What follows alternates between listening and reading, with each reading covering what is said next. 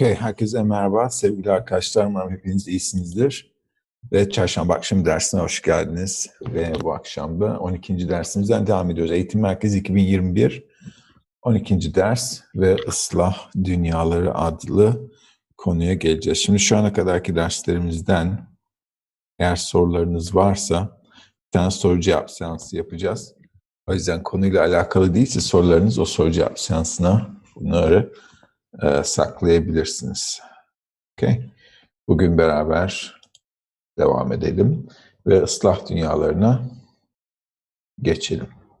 Şimdi sizlerle bir önceki derste neden bahsettik? Yaratıştan bahsettik. Okay, biraz konuyu hadi şey yapalım. Şimdi bu dönem 10. ders itibariyle hatta 11. ders itibariyle diyelim hadi teknik derslere geçtik. Tamam Teknik ders şu demek manevi dünyaların, yaratılışın yapısını öğrenmek.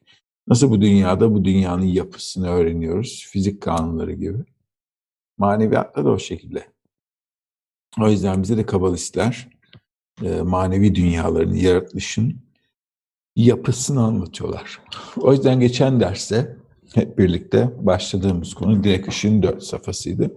Ve orada da ilk realitenin yaratılışından bahsettik. Tam kabalistler bize nasıl tarif ediyor? Yani edindiklerini bize anlatıyorlar. Ve bu son derece önemli çünkü onların edindiklerini çalışmak demek bizler de onlar gibi yükselmek istiyoruz demek. O yüzden bize yazdıklarını edinmek istiyoruz biz de. Biz de o hislere gelmek istiyoruz.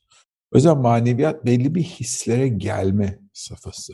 O yüzden kitaptaki şeyleri kafamızda bilerek maneviyat edinemeyiz. Çünkü kitapta yazılanı bilmek demek esasen gerçeği bilmek demek değil. Tam daha önce örnek vermişimdir. Tam yüzmeyi kitaptan ya da oku ya da bisiklete binmeyi kitaptan öğrenemem. Hani kitaptan öğrenip ne olduğunu bilebilirim ama bisiklete binmeden bisiklete binmenin ne olduğunu bilemem ya da yüzmeden bilemem. Maneviyat aynı şekilde. O yüzden kişi de o safhaları çalışıyor olsa da en azından bir şeyler kafasında canlandırmak istiyor ki en azından oralara doğru ilerlerken önünde bir, bir vizyon olsun. Tamam, bir, bir, bir öngörü olsun. Kabalistlerin de bize o yüzden bu dünyaları henüz bizler onu görmesek de, hissetmesek de anlatmaların arkasındaki sebep insanı hazırlamak. Maneviyatta bu yerler nedir? Şimdi dünyalardan vesaire bahsettikleri zaman ne anlamalıyız bundan? Sadece hislerden bahsediyorlar. Dolayısıyla dünyanın hiçbir tarafında yani dünyalar dedikleri zaman öyle ne bileyim gezegenler falan gibi yerlerden bahsetmiyorlar. İnsanın içinde yaşadığı hislerden bahsediyorlar ve o hislere dünyalar denilir. O yüzden maneviyatta hislerimizi ne kadar derin yaşarsak, ne kadar hem derin hem de genişlemesine yaşarsak onlar diyor ki o zaman dünyaların içerisindeyiz. Uzun lafın kısası maneviyatta dünyalar demek yaradanla aramızdaki bağ demek. O yüzden o bağ ve o bağın gelişimine dünyalar diyoruz. Nasıl bizim dünyamızda ne diyoruz mesela? Bebek doğmadan önce diyoruz ki annesinin rahminde daha doğmadı. Ondan sonra doğuyor bebek diyoruz. Ondan sonra çocuk diyoruz. Sonra blue çağına giriyor. Ondan sonra yetişkin oluyor vesaire. Ne oluyor esasen? Büyüyen kişi içinde. Büyüyen kişi için de bu dünya esasen dünyalar gibi. Çünkü her büyüme safhasında dünyayı farklı şekilde algılıyor, farklı şekilde anlıyor. Aynen o şekilde maneviyatta da. Burada bizim bu dünyayla bir bağımız var. Dolayısıyla bu dünyadaki yaşadıklarımıza göre bunu tarif edebiliriz. Maneviyatta da Yaradan'ı algılamak var ve onunla içinde bulunduğumuz ortak algıya göre dünyaları tanımlıyoruz. Şimdi bugünkü konumuzda ıslah dünyaları. Geçen derste bahsettiğimiz yaratılışın dört safhasında, direkt ışın dört safhasında yaratanın bir alma arzusu yarattığından bahsettik. Yani yaratanın doğası bize tarif edildiği şekilde ihsan etme ve sevgi niteliği. Dolayısıyla ihsan edebilmesi için ne olması lazım? Ortada bir alma arzusu olması lazım öyle değil mi? Yoksa neye ihsa edecek? Onun da bir doğası var. Yaradanın doğası böyle. Dolayısıyla bizleri de yaratılan varlıklar olarak bizleri de hazla doldurmak istediği için, mutlulukla doldurmak istediği için bizleri de haz alma arzusu olarak yaratıyor. Bu yüzden tüm dünyada her gün, gün be gün, an be an ne yapıyoruz? Haz peşinde koşuyoruz. Bir şeylerden mutlu olmak istiyoruz. Çünkü yaratılışın amacı mutlu olmak. Burada küçük bir dilemamız var. Mutlu olamıyoruz bu dünyada ama bunun konusu bu ders için değil. Başka bir ders için onda konuşuruz. Ama yaratılışın amacı bu şekilde. Ve hal böyleyken de bir alma arzusu yaratıyor ve bu alma arzusu yaratanın vermek istediği tüm hazları alabilecek kapasitede ilk etapta bütünlük içerisinde sonsuzluk dünyası denilen yerde yaratılıyor. Sonsuzluk dünyası demek sonuna kadar haz alıyorum demek. Anlam olarak o. O yüzden gözünüzün önünde uçsuz bucaksız bir yer düşünmeyin. Eğer son derece mutluysam yani son dereceye kadar hat safhaya kadar mutluysam sonsuzluk dünyasındayım demek hissiyat olarak. Ve bundan ilk dönemde de bahsetmiştik nereden geldik nereye gidiyoruz konusunda. Şimdi bugün de bu alma arzusu yaratıldıktan sonra peki ne oluyor? Bu soru işareti. Ve direkt ışın safhasından sonra yerden sonsuz alma arzusunu yaptıktan sonra alma arzusunda çok ayrıcalıklı bir hissiyat ortaya çıkıyor. Alma arzusunda yaratanın vermek istediği her şey hissediliyor. Tüm hazlar yani. Ve ek olarak da ihsan etmek nasıl bir his, nasıl bir duygu, insana nasıl bir um, algıya getiriyor, bu hissediliyor. İki şeyde yaratılan varlık hissetmek zorunda. Sadece haz almakla gelişmesi mümkün değil. O yüzden haz almak bir de hazzı veren olmak, izlenimlerine sahip olmak zorunda. Zaten olmasaydı hiçbir zaman büyüyemezdik. Dediğim gibi hayvan gibi kalırdık. O yüzden bu iki hissiyat olduktan sonra bu alma arzusu hem yaratanın vermek istediği her şeyi almak istiyor hem de yaratanın yerinde olmak istiyor. Yani yaratan gibi olmak istiyor. Diyor ki hem vermek istediğin her şeyi alacağım hem de senin tahtında oturacağım. Yüzden malhut hükmetmek demek, kral demek yani. Krallık ya da. Şimdi bu yerden tarafından uygun bir şey zaten yaratan istediği de bu. Bu çocuklarımızı da büyüttüğümüz zaman her şeye sahip olsunlar, her şeye hükmetsinler, kendi kendilerini idare etsinler diye arzuladığımız gibi. Öyle değil mi? Çocuklarımız için de her şeyi, çocuklarımız için ne istiyoruz? Bizden daha iyi olsunlar istiyoruz. İçgüdüsü olarak içimizde var bu. O yüzden yerden de yaratılan varlık için çok iyi olsun istiyor. Aynen en azından aynen onun gibi ki o seki türlü bizleri yaratsaydı yani az bir şekilde yaratsaydı o zaman yaratana iyi diyemezdik. Yani derdik ki biz bir ev köpeği gibiyiz ve sahibimiz çok iyi. Onu diyebilirdik. Ama bu iyi olmak değil. İyi olmak demek yaratanın yaratılan varlığı onun gibi yüce yapması demek. O yüzden yaratanı bilmek denilen bir safhaya gelmemiz lazım. Ya da yaratanın katına çıkmak denilen bir koşula gelmemiz lazım. Onun gibi olmamız lazım. Realitede onun gibi var olmamız lazım. Ancak şimdi bu alma arzusu hem yaratan gibi olmak istiyor hem de her şeyi almak istedikten sonra görüyor ki burada küçük bir problem var. O da şu. Yaratan her şeyi kendiyle hiç ilişkilendirmeden yapıyor. Yani kendisi için yapmıyor hiçbir şeyi. Ama alma arzusu görüyor ki o kendisi için istiyor. Dolayısıyla burada büyük bir problem var. Çünkü bir taraftan yaratanı, verdiği her şeyi, mükemmelliği hissediyor. Öteki taraftan da fark ediyor ki kendisi tümüyle bu mükemmelliğe zıt. E ve bu alma arzusunun içerisinde utanç denilen bir duygu gelişmesine sebep oluyor. Şimdi bu utanç denilen duygu çok önemli. Hayvanlarda yoktu utanç ama insanda var. Yani o da her insanda değil. Sokakta gördüğünüz gibi. Gelişmiş insanlarda olur utanç duygusu. Herkese herkeste yok o duygu. Bu durumda şöyle bir koşul var. Yani bir taraftan yaratılan bu alma arzusu her şeyi almak ister. Yerden de her şeyi vermek ister. Bu konuda bir sıkıntı yok. Ama görüyor ki yaratanın kendisini düşünmeden verdiği gibi o da kendisini düşünmeden veremiyor. Yani alma arzusu kendisi için alma koşulunda.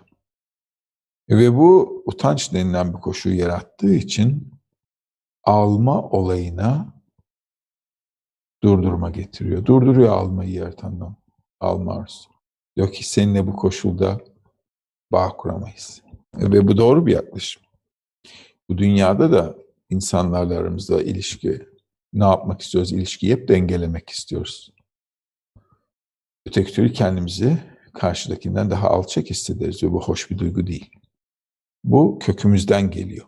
Tamam Bu dünyada hissettiğimiz utançla ilgili her şey dolayısıyla yaratılışın başından bu şekilde planlanmış şekilde. O yüzden tüm bu hislerimiz baştan yaratılışta almarsun içine işlenmiş şeyler.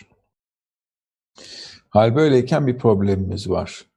Alma arzusu yaratanın vermek istediği şeyleri almayı durdurduğu zaman aralarında bir bağ olmuyor.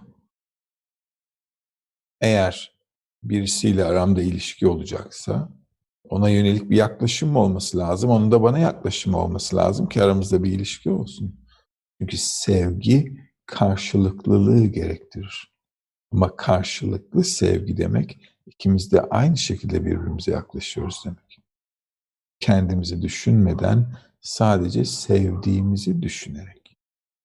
Dolayısıyla alma arzusu görüyor ki bunu becerecek durumda değil. Bunu yapamıyor. Dolayısıyla bir ortada problem var. Ve bu hissiyat, hissettiği problemden dolayı da kendisini bu ilişkiden ayırıyor. Ama ilişkiden ayırması da yani yerden arasındaki bağ durdurması bu şekilde son derece ciddi bir olay ayrıyeten de. Tamam Son derece ciddi. Yaratılışın en ciddi eylemi bu. Buna kısıtlama diyoruz bazen. Hiçbir şey almamak. Kendim için hiçbir şey almamak. Şimdi böyle bir kısıtlama yaptığı zaman alma arzusu içinde yeni bir izlenim oluyor. Tüm geçirdiği safhalardan yeni izlenimler edinmek zorunda. Tıpkı büyüdükçe bizlerin de sürekli yeni izlenimleri olduğu gibi. Dolayısıyla bu izlenim, yeni geldiği izlenim şu.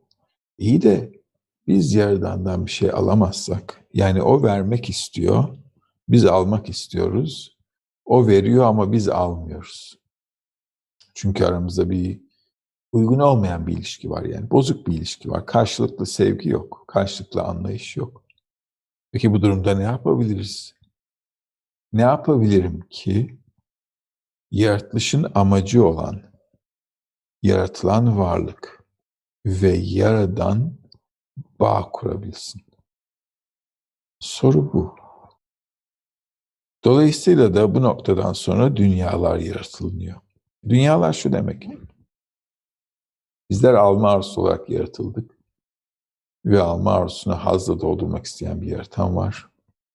Biz bu arzularımızı yaratana yönelik nasıl organize edeceğiz? Nasıl ayıklayacağız? Yani pirincin taşını nasıl ayıklayabiliriz? Tamam, dünyalar bu demek. İlişkimizi nasıl rayına oturtabiliriz ki yaratılışın amacı denilen yaratan ve yaratılan arasındaki bütünlüğe gelebilelim. Dünyada da tüm problemimiz bu. Dikkat ederseniz. Manevi dünyalarda yaratılan varlık ve yaratan arasındaki ilişkiyi oturtmak önemli. Bunun bizim dünyamıza yansıması nasıl oluyor dersiniz?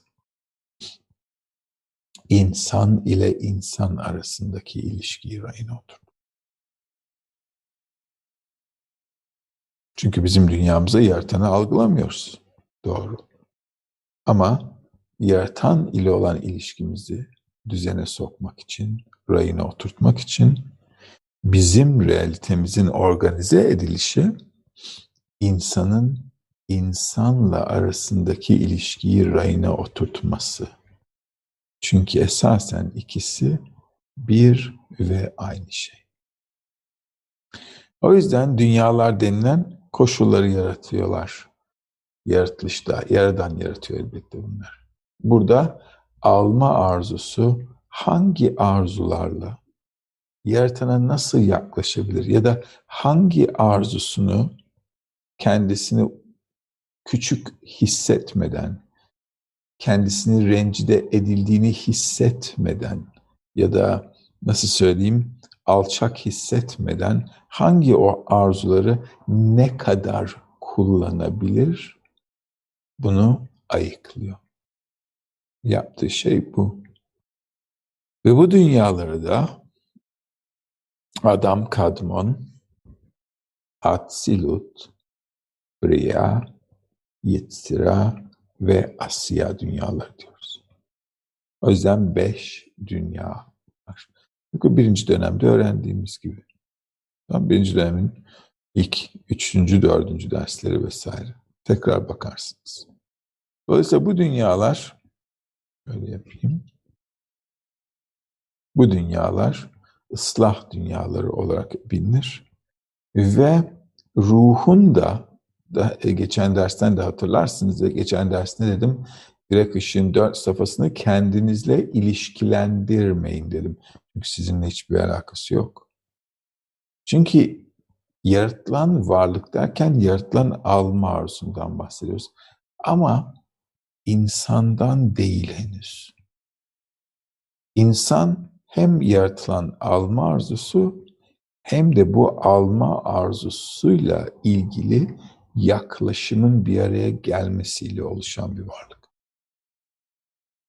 Yani tüm realite alma arzusu olarak yaratıldı ve alma arzusunun dereceleri, bayağılıklarına göre nasıl bizim de hayatımızda tüm arzularımız aynı aynı değil. Öyle değil mi? Bazı arzularımız daha önemli, bazı arzularımız önemsiz, bazıları gerekli, bazıları gereksiz. Kişinin de içinde çeşit çeşit arzular var. O yüzden ıslah dünyaları da arzularımın bayağılığına göre arzularımı ayırıyorum, ayıklıyorum. Yani arzularımı kategorilere ayırıyorum demek. Aynen o şekilde. Ama henüz insan piyasada yok. Bu sadece yaratılışın yapısı ve tüm yaratılış sadece bir alma arzusu. O yüzden dışarıya baktığınız zaman gezegenler, dünya, ne bileyim hayvanlar, bitkiler vesaireden vesaire baktığınız zaman konuşacak bir şey yok orada o şekilde. Her şey sadece bir alma arzusu gözüyle bakacaksınız. Her şey haz almayı bekleyen bir arzu. O yüzden cansız seviyede ne yapmak istiyor? En ilkel arzularımız ve dünyada da cansız seviyene katı maddeler. Yapmak istedikleri şey ne? Neyden mutlu oluyorlar? Kendilerini muhafaza etmekten. O yüzden katı haldeler ve kendilerini belli bir formda muhafaza etmekten hoşlanıyorlar. Bitkiler, bitkiler büyümeyi seviyor. Daha üst seviyede bir arzu. O yüzden onlar hep yukarıya doğru, ışığa doğru gitmek istiyor. Aydınlığa doğru. Ve bizim de içimizde öyle genişlemek, büyüle, büyümek istediğimiz arzular var. Ve daha da büyük arzular hayvan seviyesine ait. Onlar hareket edebiliyor. Ne demek? Yani bir arzudan başka bir arzuya geçebilirler. Belli bir alana hükmedebilirler. Ve insanlar var. İnsan daha da büyük bir alma arzusu. Çünkü insan bilmek ister. O yüzden tüm yaratılışı araştırır. Kendisini her şeyi bilmekle doldurmak ister. O yüzden tüm realite insan, hayvanlar, bitkiler, cansız seviye bunların hepsi bir bütünlüğün parçaları. Ve hepsi çok büyük bir alma arzusu olan yaratılışın içine dahil. Ve tüm realitede o yüzden bu şekilde bir alma arzusu. O yüzden beş dünyaya ayrılması da bu şekilde. Cansız, bitkisel, hayvan, konuşan ve insan. İnsan en hat safhada manevi varlık demek. O yüzden bizim dünyamızda konuşan seviye biraz önce dediğim her şeyi bilmek isteyen. Bunun bir üst seviyesi üst bilinç. Yani adam, esas adam. Ve o manevi bir varlık. Henüz orada değiliz. İnsanoğlu da orada değil. Ama kaderi orada olmak.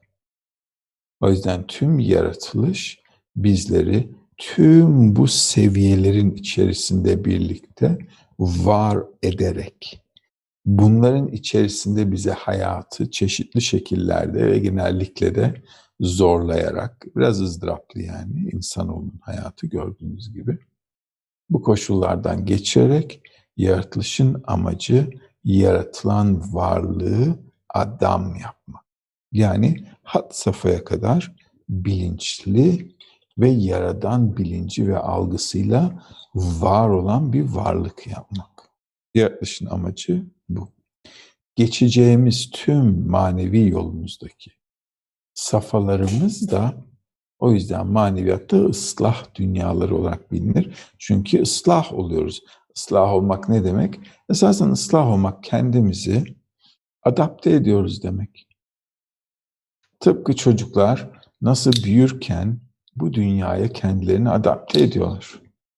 Öyle değil mi? Büyüdükçe dünyaya adapte oluyorlar. Nasıl davranacaklarını, nasıl yaşayacaklarını, ne yapacaklarını, ne edeceklerini yavaş yavaş öğreniyorlar. Ta ki kendi ayakları üzerinde durup hayatlarını idame edene kadar. Durum bu şekilde ve maneviyatta da aynı format var. Çünkü tüm yaratılış aynı şablon içerisinde. O yüzden bizim dünyamızda maneviyatın şablonlarını içinde barındırıyor. Şimdi gelelim biraz bir şeyler okumaya. Tamam Eğer buraya kadar sorularınız varsa da sorun tabii ki.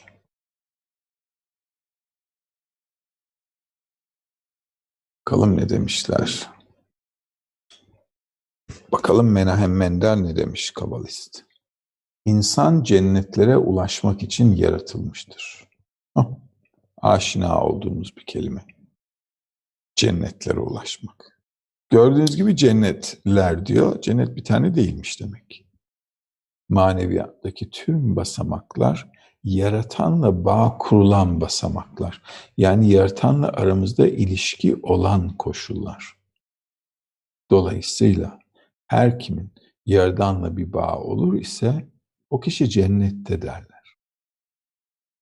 O yüzden cennet başka öğretilerde ya da inanç sistemlerinde tarif ettikleri gibi öyle hurilerle, murilerle değil, yaratanla bir bağımız olmakmış. İnsan ve yaratan arasında hissedilen bağ cennettir. Bunu kişi minimal edindiği zaman da hisseder ve yaratılışın amacı da hat safhaya kadar gelip hissetmek.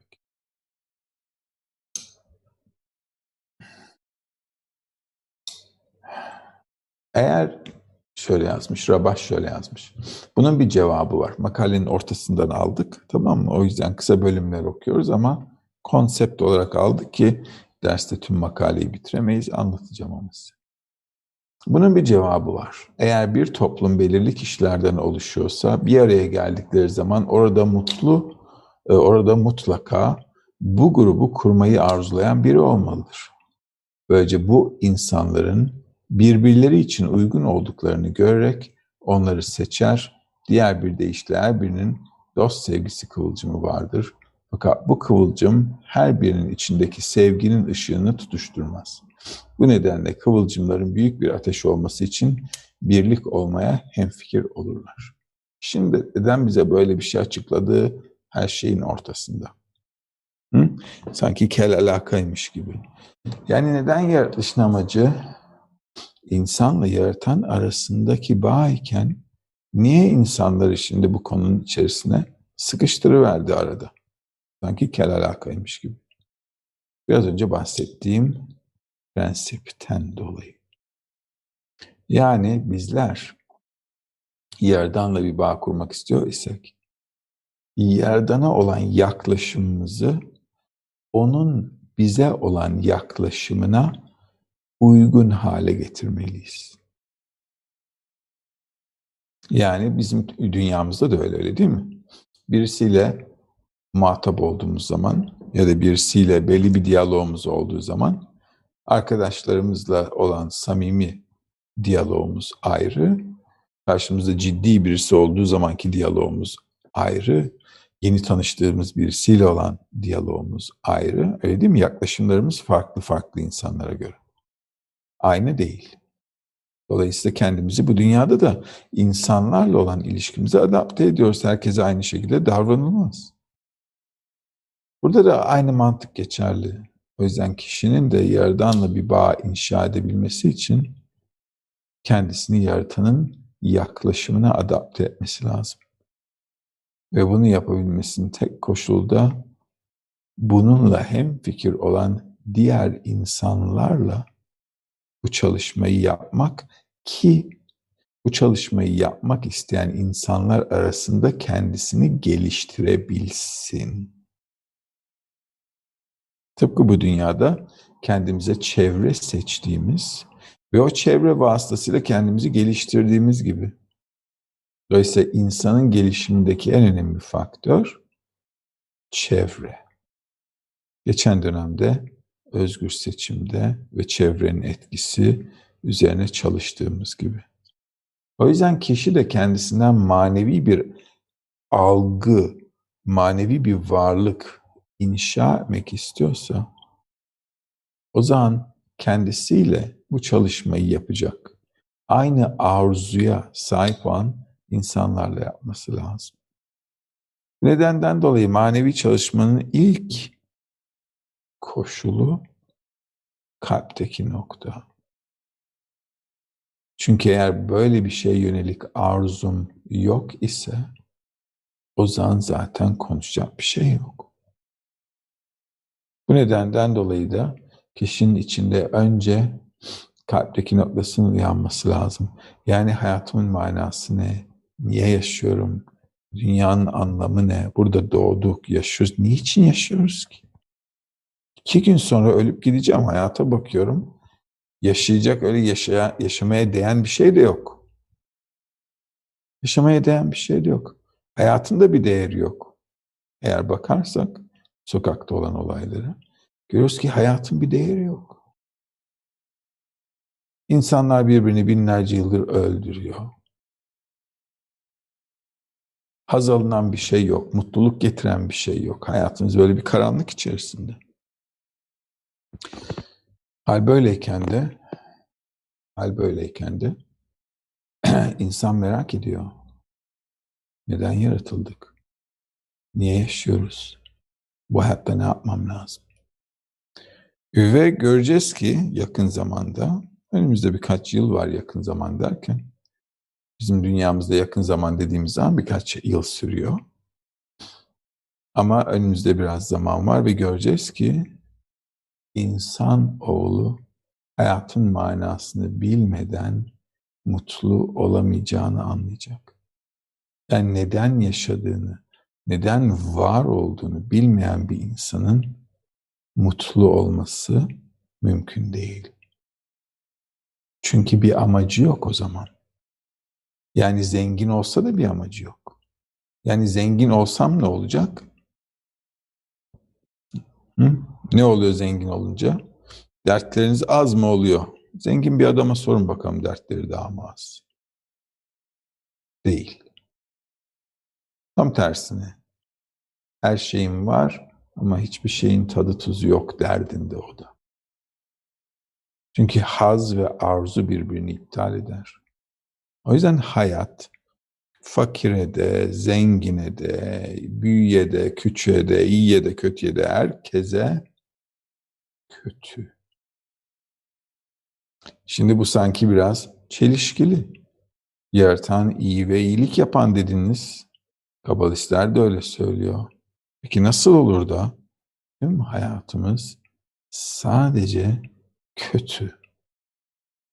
Yani insanın yaşadığı 60, 70, 80 yıl diyelim hepsinde tüm hayatı boyunca çektiği ızdırapları terazinin bir tarafında toplasak ve aldığı mutluluğu da terazinin öteki tarafında toplasak mutluluğunu mutsuzluğuna kıyasla yorgunluğunu, stresini, gerginliğini kıyaslayacak olursak görürüz ki arada acayip bir orantısızlık var. Yani insan da bu yüzden yaşlandıkça ne oluyor? Hayattan ümidi kesmeye başlıyor. Gençken gencim, arzularımı tatmin etmek istiyorum. Evet, şunu yapmak, bu olmak vesaire istiyorum diye koşuşturuyoruz. Gerçi gençler artık koşuşturmuyor. Hı? Görüyorum gençler var. Koşuştursaydınız burada olmazdınız herhalde akşam bu saat manevi çalışma. Yok. Görüyoruz ki hayatta bir şey yok gerçekten. Ve gençken bunu anlamamız çok özel bir dönemde olduğumuzu gösteriyor bize.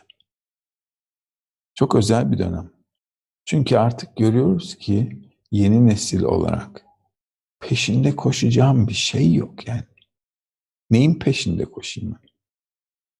O yüzden insanın hayatı sorgulaması bu şekilde başlar. Tüm insanoğlunda da bu şekilde gelişecek. Ve yeni nesil eğer bu şekilde hayatın manasına doğru ilerlemezse maalesef kötüden kötüye gidecek. Sizlerin de şahit olduğu gibi hayatın içinden. O yüzden insanla insan arasındaki ilişki vasıtasıyla tüm bütünlüğü, tüm mutluluğu, mükemmelliği hissedebiliriz. Bu yüzden bizim dünyamızdaki tüm problemlerin sebebi insanla insan arasındaki ilişki doğru olmadığı için. Dolayısıyla da tüm mutluluğumuz da insanla insan arasındaki ilişkinin doğru olmasına bağlı. Bu şekilde bunu kaydederseniz faydalı olur. Çünkü bizlerin de ıslahı demek esasen bu demek. İnsanla insan arasındaki ilişkiyi düzeltmek. Ve bu şekilde kişi insanla insan arasındaki ilişkiyi düzeltirse ki buna bazen insan sevgisi diyorlar. O zaman kişi yeni bir hissiyata gelebilir. Şimdi bir başkasını sevince yeni bir hissiyat nasıl olabilir diye şaşırabilirsiniz. Daha önce hiç kimseyi sevmediğiniz için doğru. Doğru. Böyle bir şey daha önce olmadı hayatımda. Hissetmedim de. O yüzden böyle bir algım yok. Doğru. Ama eğer böyle bir şey geliştirirse kişi o zaman o zaman o kişi yavaş yavaş farklı şeyler yaşamaya, hissetmeye ve kendi bedeni içerisinde değil de başkası kendisi için önemli olduğu için kendi varoluşunun dışındaki şeyleri de hissetmeye başlar. Bu yeni bir algı, yeni bir duyu ve buna bazen ruh derler. Dolayısıyla gördüğünüz gibi bizlere söylendiği üzere ne söylüyorlar bize? Ruhumuz var diyorlar. Değil mi? Öyle söylüyorlar bize. Hepimiz de öyle varsayıyoruz. Ancak kabalistler diyor ki yok ruhun yok. Sadece bir et parçasısın. Proteinden. Ve çürüyüp gidiyor gördüğünüz gibi. Ruh, yani bu yeni yaklaşım, bu yeni algı kişinin manevi çalışmasıyla oluşturması gereken bir şey. Ve tüm bu sürece de ıslah dünyaları deniliyor. Durum bundan ibaret. Şimdi manevi dünyalar ne dedik? Yaradanla aramızdaki bağın hissedilmesi dedik. Dolayısıyla da alma arzusu yeterli değil. Alma arzusuna ek bir koşul yaratması gerek Yaradan'ın. Yani tüm yaratılış içerisinde bir de özel bir varlık olması lazım ki bu yaratılışa hükmedebilsin. Yani alma arzusuna hükmedebilecek bir varlık olması lazım. Tıpkı yaratanın tüm realiteye hükmettiği gibi yaradan da şimdi yarattığı bu alma arzusu realitesinde tüm bu realiteye hükmetecek bir ek koşul yaratmalı ve buna da ne diyoruz? Adam. Ve Adem denilen varlık manevi dünyalarda ilk prototip yani ruhun ilk prototipi diyebiliriz olarak yaratılıyor. Tıpkı bizim bir dünyamızda da öyle değil mi? Bir şey yaratmadan önce ne yapıyoruz? Modelini yapıyoruz. Eğer bir ev inşa edecek olursak ne yapıyoruz? Ya da bir bina inşa etmek istersek ya da bir ne bileyim bir uçak vesaire araba inşa etmek istedikleri zaman ne yapıyorlar? Çiziyorlar, tasarlıyorlar. Bunun modelini yapıyorlar, aerodinamiğine bakıyorlar. Her taraftan ölçüp biçiyorlar ki bunu nasıl en güzel bir şekilde yapabiliriz. O yüzden dünyalar da alma arzusu ve alma arzusuna hükmedecek varlığın prototipi o ilk ruh denilen ve esasen tek ruh denilen Adem bu dünyaların içerisinde yaratılıyor. Yani ilk kez yaratandan ayrı kendi realitesinin içerisinde bir varlık ve yaratanla karşı karşıya. Sanki bağımsız gibi tamam mı? Sanki diyorum çünkü henüz bir bağımsızlığı yok. Ama prototip olarak inşa edilmiş. Ve bu ilk ruh. Dolayısıyla ilk ruh, ilk yaratıldığı zaman bütünlük ve mükemmellik içerisinde yaratıldı. Yani realite içerisinde yaratan gibi var olmanın hissiyle yaratıldı. O yüzden yerdanla bağ var Adem'in. Yerdan o yüzden onu bu şekilde yaratıyor. Yani kendisiyle baştan bağ olan olarak. Bu yüzden Adem ne denilir? Ayrıca onun için Adem sünnetli doğdu denilir. Yani baştan ıslahlı, baştan Yaradan'ı hissedebilen, onunla var olduğunu, onunla yaşadığını, ondan ayrı ama onunla birlikteliği olduğunu hisseden bir varlık.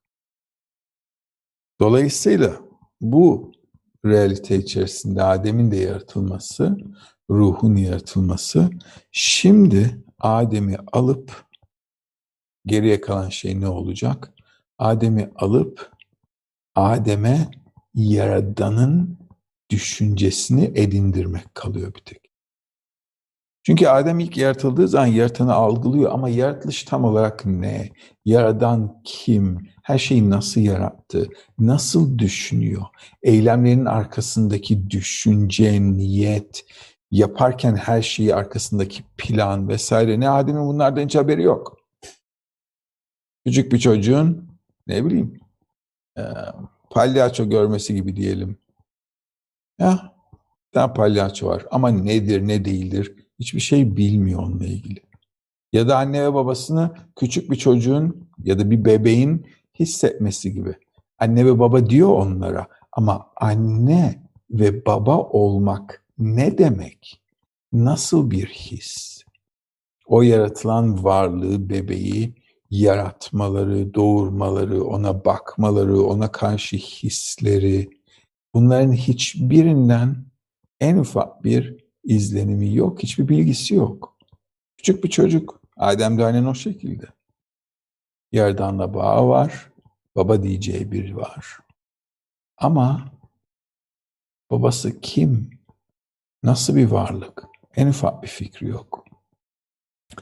Ve biz de bu dünyada ne yapıyoruz? Çocuklarımızı yetiştiriyoruz. Yetiştiriyoruz ki büyüsünler. Ve Yaradan'ın da yaptığı şey Adem'le aynen bu. O yüzden yaratılışın içerisinde onu yaratıyor. Ve akabinde içindeki yaratanın var olduğu ve yaratanla olan bağının hissiyatı var şeklinde Adem'i kendisinden ayırıyor. Şimdi Adem'in ilk realitede yaratılışta yaratıldığı zaman Yaradan'la arasındaki olan hissiyat izlenim olarak bilinir. Buna bazen kitaplarda reşima ya da çoğulu reşimot derler. Nasıl bir şeyin tadına baktığımız zaman tattığımız şeyin için, içimizde bir damak tadı bırakması gibi. Ki ondan sonra o damak tadına göre onu tekrar yemeyi özlemliyoruz. Şimdi hal böyleyken bizler de bu dünyada kökümüz maneviyattan geldiği için hepimizin içerisinde maneviyatta ilk yaratılmış olan halimizin izlenimi var. Biraz önce bahsettiğim kalpteki nokta. O yüzden kişinin içinde bu uyanmadan kişi maneviyatı falan bilmek istemez. O bu dünyada iyi yaşamak ister. Ya da ölünce bir yerlerde iyi yaşamak ister. Ama her halükarda ikisi de hayal kırıklığına uğrayacak. O yüzden maneviyat kalpteki noktası uyanmış ve bu dünyanın ötesine daha fazlasına hayatının amacına yönelik bir arzusu, eğilimi olan insan için. Maneviyat o yüzden böyle bir insana öğretilir ancak arzusu olan birisine. O yüzden geçen dönemde öğrenmiştik. Kim çalışabilir dedik Kabala ilmini. Dedik ki isteyen herkes çalışabilir. Arzusu var ise. O yüzden insanların bu dünyanın ötesinde hayatın manasını keşfetme dürtüsü yaratılışın başında içimizden kalan o izlenimden geliyor. Çünkü hepimiz yaratanın yarattığı o tek ruhun, Adem denilen o yapının. Tamam mı? Adem dediğiniz zaman kafanıza bir adam gelmesin iki ayak üstünde. Onunla alakası yok. Adem bir sistem demek. Ve hepimiz o hissi sistemden bir izlenim taşıyoruz. Ve o izlenime adam denilir. O yüzden adam, la adom kelimesinden benzer demek. Adam yaradan gibi demek. Yani yaradan gibi onun realitesinde var olabilen birisine insan denir. İnsan olmak manevi seviyede var olmaktır. O yüzden iki ayağımız üzerinde bir protein torbası olarak dünyada yürümemiz, gezmemiz, hoplamamız, zıplamamız bizleri insan yapmıyor. İnsan kitaptaki bahsettikleri ya da otantik kaynaklarda insan diye geçen yerlerde yaratanı algılayan bir varlıktan bahsediliyor. O yüzden bazı inanç sistemlerinde insan diye yazdığı zaman kitaplarda normal sokaktaki adam kendi üstüne alınıyor. Benden bahsediyorlarmış gibi. Yo. O kitaplarda hayvan seviyesinden bahsetmiyorlar. Çünkü bizim iki ayağımız üzerinde yaşadığımız, et parçası olarak yaşadığımız hayatımıza hayvansal seviye denilir. İnsan seviyesi değil. O yüzden manevi kaynaklar sadece maneviyatta olan insanların yaşadığı hislerden bahsediyor ki onlara insan denilir. O yüzden burada da kendimizi ayırmamız lazım. neyiz ne değiliz. Tamam Maneviyatı çalışırken tanımlarımızı doğru oturtmamız lazım. O yüzden adam demek, insan demek yaradanı algılayan birisi. Eğer yaradanı algılamıyor ise beş duyusu içerisinde hayvansal bir hayat yaşıyorsa çünkü hayvanların da öyle duyuları var. E, değil mi? Var mı elinizde, evinizde kedi köpek? Vardır kesin. Tamam Onların da güzel kulakları var, güzel burunları var, gözleri var, dilleri var, elleri var. Bizim gibi. Onlar da bu hayatı yaşıyor. Biz de bu hayatı yaşıyoruz. Onlar da doğuyor, yaşıyor, ölüyor. Biz de doğuyoruz, yaşıyoruz, ölüyoruz. O yüzden bizim bu dünya sınırları dahilindeki algımızda yaşamamıza insan hayatı denmiyor. Ve hayvanın hayatı deniliyor. O yüzden kutsal, otantik kutsal kitaplarda esasen beş duyusuyla yaşayan bir insandan hiç bahsedilmiyor bile. Kabalistik kaynaklarda da öyle. Dolayısıyla bizlerin işi bu realitede hep birlikte yapmamız gereken şey kendimizden bir insan yapmak.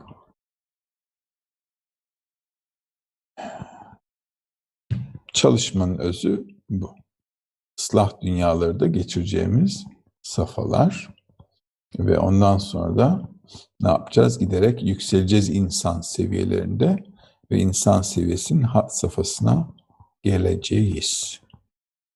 O yüzden Yaradan nasıl bu realiteyi yoktan var ettiyse, kişi de kalpteki noktasıyla manevi dünyalarını yoktan var etmeli. Yoksa Yaradan'ı asla anlayamaz. Tıpkı bir çocuğun büyüyüp kendi hayatını dünyada yoktan var edip sonra kendisinden bir anne ya da baba yapıp kendi anne ve babasını anlaması gibi. O yüzden bizim dünyamızda da anne ve babayı anlamak için anne ya da baba olmak lazım. O yüzden insan da Yaradan'ı anlayabilmesi için Yaradan gibi realitesini yoktan var etmesi lazım. Bu prensip doğa kanunu. Hiçbir şekilde çiğnenmeyecek. O yüzden kişi bunu bu şekilde başarmak zorunda. Tıpkı bizim dünyamızda kendimizi idam etmek için, hayatta tutmak için yapmak zorunda olduğumuz gibi. Durum bu. Ve bunlara ıslah dünyaları diyoruz. Şimdi soru var mı? Var mı soru? Varmış belki. Hadi bakalım hayırlısı.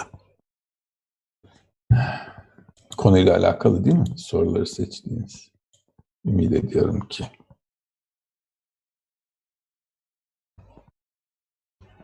Mansur sormuş.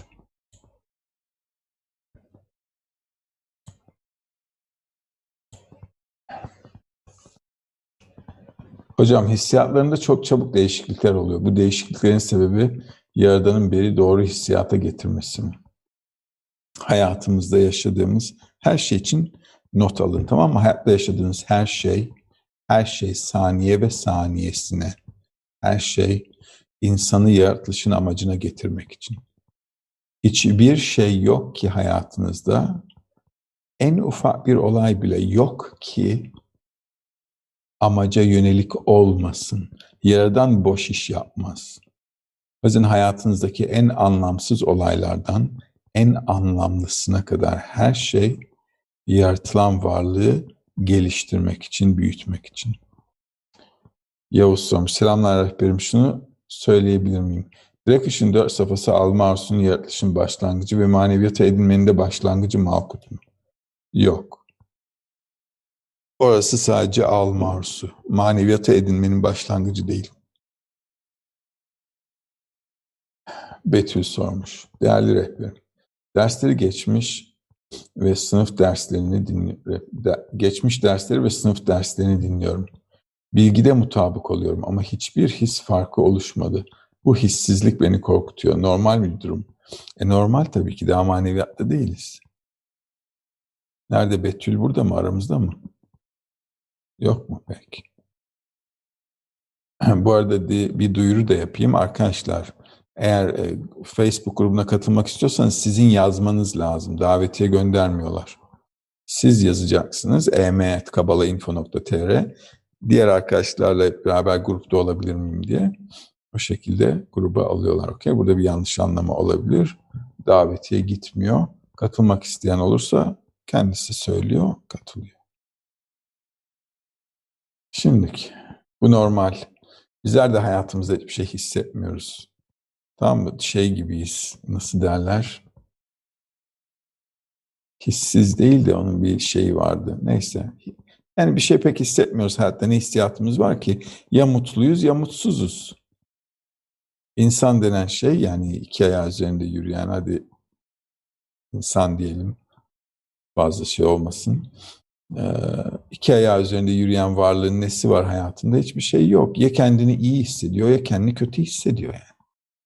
Başka bir şey yok. Arzularıma tatmin ediyorsam mutluyum, etmiyorsam mutsuzum. Genelde de evdeki hesap çarşıya hiçbir zaman uymuyor. O yüzden istediğim şey elde etsem bile yarım yamalak bir his bırakıyor sonunda. O yüzden bizim dünyamızda hissizlik, bir şeyin hissedilmemesi son derece normal. Çünkü hazlarımız kalıcı değil. Yani istediğim bir şeyi elde ettiğim zaman bile haz kalıcı değil. İçimde bir şey bırakmıyor öyle. O yüzden sürekli yeni bir haz peşinde koşmak zorunda kalıyor insan. Hayatı da öyle geçiyor. Ölüyor sonra da. Ama biz ne yapıyoruz? Niye bunları çalışıyoruz Betül? Bunları çalışıyoruz çünkü kendimizi ilk etapta biraz bilgiyle doldurmak istiyoruz. Yani dünyamız ne? Ben neyim? Nasıl bir varlığım? Hayat nasıl? Nasıl yaratıldık? Neden yaratıldık? Ne istiyor ya hayat bizden? Ama bunları önce biraz rayına oturtmamız lazım. Bunları eğer kafamda biraz rayına oturtabilirsem o zaman edindiğim bilgi ile yaşayacağım hissi belli bir denklik seviyesine getirebilmem lazım. Eğer bir his yaşar isem ve o hisse anlam veremez isem bu ne olur? Depresyona sebep olur. Ama insanoğlunun yaşadığı gibi. Niye, ne yapıyor insanoğlu şu anda? Hepsi depresyonda. Niye? Çünkü neden yaşadığı şeyleri, yani yaşadığı şeyleri neden yaşadığını bilmiyor. Bilmiyor. O yüzden hayat kötü ama sebebi yok. Adamın gözünde bilmiyor. O yüzden sıkıntı var. O yüzden baştan yapmamız gereken şey hayatın sebebi, amacı, ne yapmamız gerek, neden böyle yaratıldık, bizden hayat ne istiyor, niye istiyor, dıt dıt dıt dıt dıt. Bunları bir rayına oturtmamız lazım kafamızda. Akabinde çalıştıkça hislerimiz olacak. Ha, o zaman diyeceksin ki Aa, bunu çalışmıştık şimdi ben bu koşuldan geçiyorum tamam doğru evet. Tamam yoksa neden bir sürü makale çalışıyoruz sürekli? Pazartesi akşamları, perşembe akşamları makaleler çalışıyoruz. Niye? Çünkü biliyoruz ki onlar bizim yolumuzun ne derler ona? Kaldırım taşları. Onların üzerinde yürüyoruz. Bu yüzden onları çalışıyoruz ki o koşullardan geçtiğim zaman hatırlıyorum. Aa evet şurada Rabaş bundan bahsetti. Bağluslam şöyle demişti. Zohar'da böyle yazmıştı vesaire vesaire vesaire. Ve o zaman yaşadıklarıma akılcı bir şekilde yaklaşıp hislerimi aklımla mutabakata getiririm. O yüzden normal. Biraz böyle gideceğiz. Sabırlı olacaksınız. Çiçek vaktinden önce açmıyor. Merve sormuş. Merhaba rehberim. Utanmakla ilgili söylediklerinize göre bizim almaktan utanıyor mu olmamız gerekiyor? Tabii gelişmiş varlıklar öyledir. Sokakta az gelişmiş birisi için konuşmuyorum. O yüzden ne dedim? Herkese verilen bir hissiyat değil dedim. az gelişmiş birisi hissetmez sokakta. Ama biraz olarak biraz insan olarak gelişmiş birisi birisinden bir şey aldığı zaman mahcubiyet hisseder. Bunun kökleri maneviyata dayanıyor. Yani kendisini karşı tarafa kıyasla alçak hisseder. Hissettiği o. Evren sormuş. Yaklaşık 10 aydır videoları izliyorum. Son 3 aydır da buradan derslere katılıyorum. Kendimi yokladığımda bilgi anlamında bir şeyler anlamaktan mutluyum ve bakışımı çok açtığını düşünüyorum. Ama bahsettiğiniz gibi benim hisler benim içimde oluşmuyor. Söylediğinize göre kavalisi hissetmeden kötü, körü körüne inanmaz. Acaba yapmam gereken bir şeyler var mıdır? O var. Devam etmek. Devam etmek. Bir çocuğun büyümesi 20 yıl sürüyor. O yüzden 10 aylık ders, 3 aylık da aramızda daha maneviyatta doğmadık. O yüzden kendimizi önce doğuma hazırlayacağız. Sonra rahim denilen bir yerde kendimizi konuşlandıracağız. Ve orada uzun bir zaman geçireceğiz. Ta ki büyüyüp doğmaya hazır olana kadar. Ve bu bizim dünyamızda 9 ay gibi olsa da maneviyatta biraz daha uzun sürüyor. Ama doğru. Betül'ün sorusuyla aynı. Eğer maneviyat çalışmak istiyorsanız sabırlı olmanız lazım. Tıpkı bu dünyada iyi bir usta, iyi bir sanatçı, iyi bir mühendis, iyi bir bilim adamı, iyi olmak isteyen herkesin sabrı olduğu gibi hayatta sadece onlar başarılı oluyor. Bu yüzden dünyanın yüzde 99'u hiçbir şey beceremiyor. Ve o yüzde 99 yüzde bire bağlı ve bağımlı yaşıyor. Bir matematik hesabı yapın.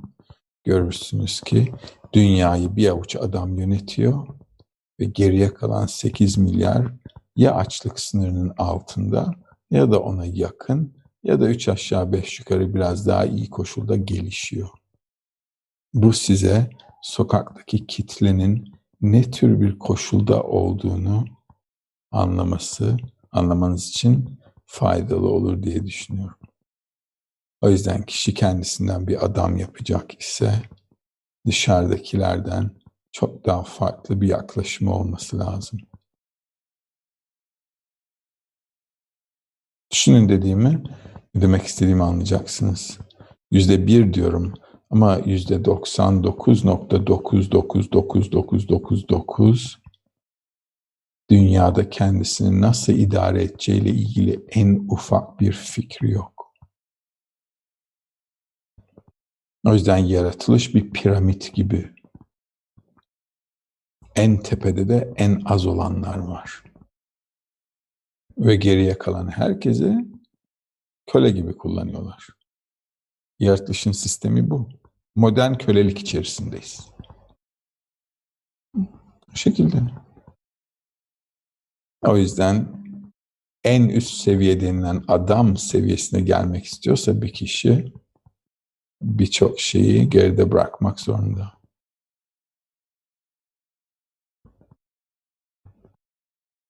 Kaan sormuş. Ak abiye birinci kısıtlamadan önce değil mi? Birinci kısıtlamadan sonra. Mansur sormuş. Hocam bazen çalışma yaparken, Yaradan'a isyan ederken buluyorum. Bazen şart koşarken buluyorum. Hem beni böyle yarattın, hem benden doğamın dışına çıkmamı istiyorsun. Hem de seni hissed hissedelim. Ha hazzı kesiyorsun. Bunu kesemezsin diyorum ama haz gelince her şey net o zaman anlıyorum. Sürekli haz verse başa, e, haz verse başardım diyebileceğim bir şey olmayacak. Doğru mu? Sorunda bazı imla hataları var ya da ben anlamıyorum. Yaradan'a lanet etmeniz normal. Tamam İnsan oğlu Ne demek yaratana lanet etmek? Bakın, tüm yaratılışı yaratan yarattığı ise eğer, bir anım mutsuz geçiyor ise yaratılışta, kime lanet ediyorum? Yaradana öyle değil mi? Ha? Düz konuşalım. Tam dürüst konuşalım. Yerden dürüst insanları sever. Düz konuşacaksın. Tam yaratana güzel laflar ama kalbimde kendimi kötü hissederek yaradanı kandıramayız. O yüzden kişi kendini kötü hissediyor ise hayatına lanet ediyor demek. Ve bu da yaratılışın sebebi olan yaratan, yaratanla alakalı. Öyle değil mi? Yüzden net olalım. Bir şey saklamamıza gerek yok. Maneviyat çalışacaksak tamam hislerimiz açık ve net olmalı ki inceleyelim bunları.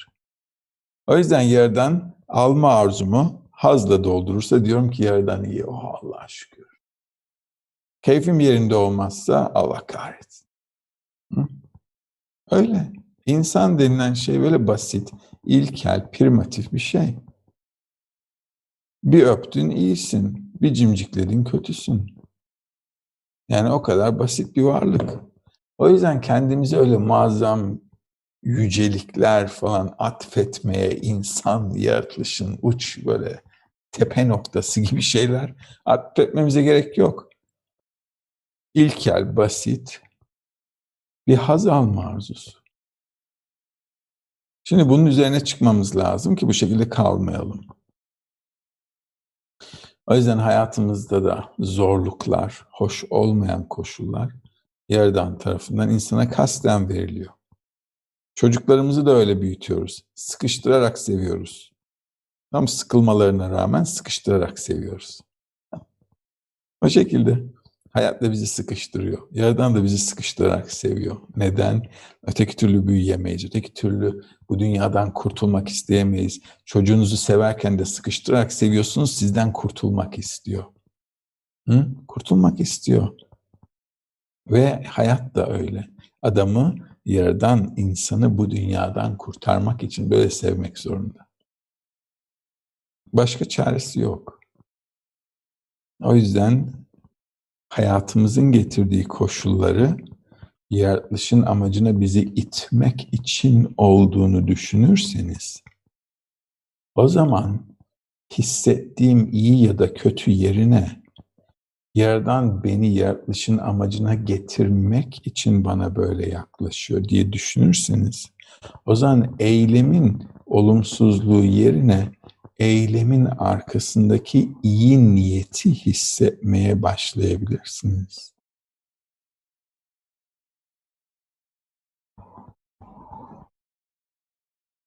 Bakış açımızı biraz değiştirmek zorundayız.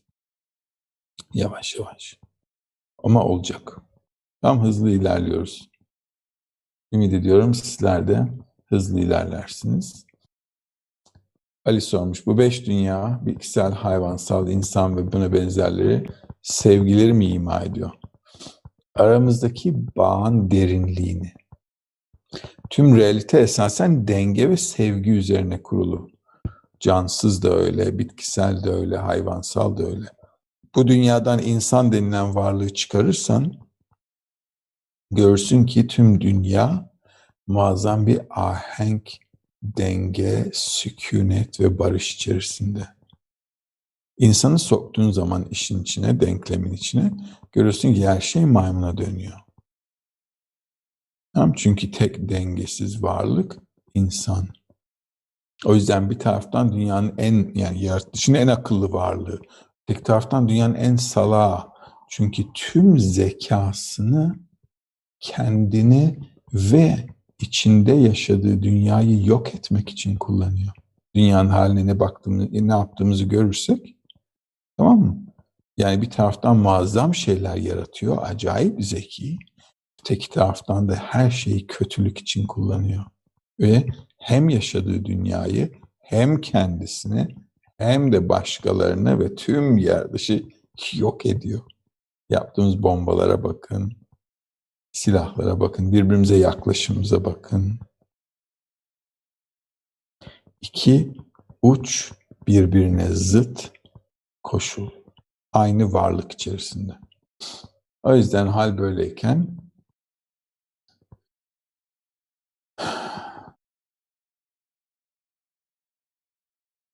derinliği yani tüm derinliği, tüm yaratılışta yerden ve insan arasındaki tüm detayların hepsini içinde barındırıyor. Bu detaylar olmadan yaradanı da bilemeyiz. O yüzden realiteye baktığınız zaman yaradanla insanın daha doğrusu yaratılışın ne kadar detaylı olduğunu görebilirsiniz. Realite ne kadar detaylı, her şey farklı. Hepimiz bile, tüm insanoğlu bile birbirinden farklıyız. 8 milyar kişi, yüzlerimiz farklı, hislerimiz, arzularımız, düşüncelerimiz, niyetlerimiz, her birimiz ve her şey, tüm hayvanlar dahi hepsinin bile kendilerine has izleri var. Başka aynı hayvanda olmayan iki zebra yok ki ikisinde de çizgiler birebir aynı olsun. Tüm yaratılış birbirinden farklı, birbirini tamamlamak üzere yaratılmış. O yüzden tüm manevi dünyalar da insanın tamamlaması için yaratıldı. Ancak o şekilde Yaradan'ı anlayabilir. Yaradan'ı bilmek o. Bengü sormuş. Ben de tüm bilgilerde mutabık olmama rağmen hiçbir his oluştuğunu düşünmüyorum. Okey, Bengü de Betül gibi sormuş, biraz önceki arkadaş gibi sormuş. Arkadaşlar söyleyeyim tekrardan. Tamam mı? Hiçbir şey hissedemeyeceksiniz biraz zaman geçene kadar. Okey, çünkü mümkün değil. İki kitap okuyup hemen oralara giremem. Ya da iki makale okuyup ya da iki dönem ders yapıp hemen doğup da tüm dünyayı ne zaman hissedeceğim diye anneme soramam. Önce emzirilmem lazım, yıllarca altımın değiştirilmesi lazım vesaire vesaire. Ta ki yürümeye başlayacağım da bir iki yıl sonra ondan sonra bir etrafa bakacağım da yani yok ki öyle bir şey. Ben şimdi bunları hissetmiyorum doğru. O yüzden biraz önce dediğim şey geçerli.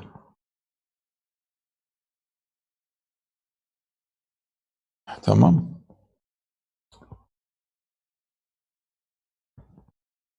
Yani bu kadar hissizlik normal. Herkese söyleyeyim.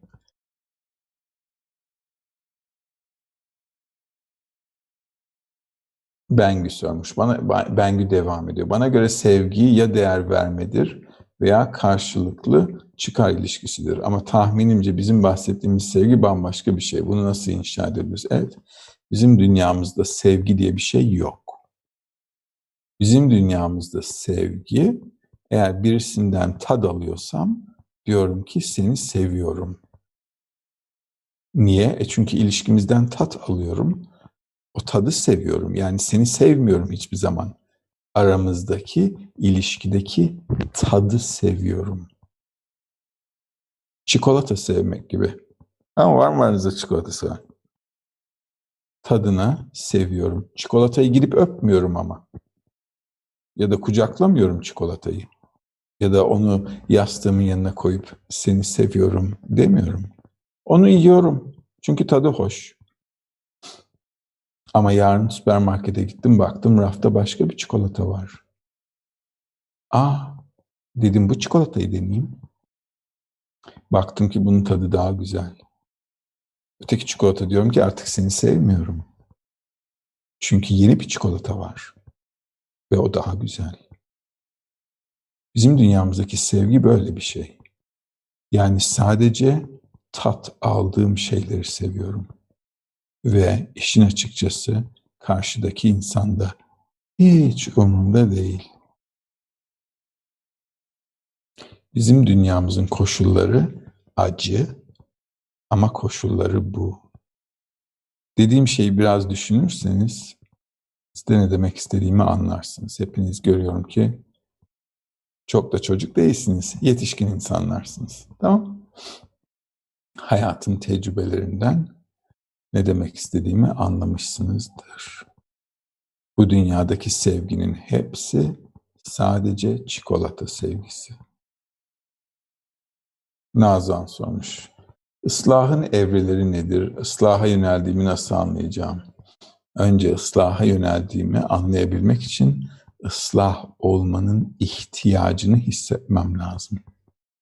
Eğer öyle bir ihtiyacım yok ise zaman konuşacak bir şey yok. Bu yüzden çalışma insana neyin hayatında düzelmesi ya da düzeltilmesi gerektiğini göstermesi lazım. Yani demesi lazım ki ben çalıştıkça Nazan, Nazan bu şekilde davranamazsın demesi lazım içinde bir şeyin sana. Kendi kendinle bir diyalog yani. Kendi kendine bir diyalog. Bazen de öyle demiyor muyuz hayatta? Hı? Aynaya bakıp kendine gel demiyor musunuz? Böyle yapamam, böyle davranmamam lazım bir daha diye. Neden? Çünkü böyle bir hissiyattan geçiyoruz.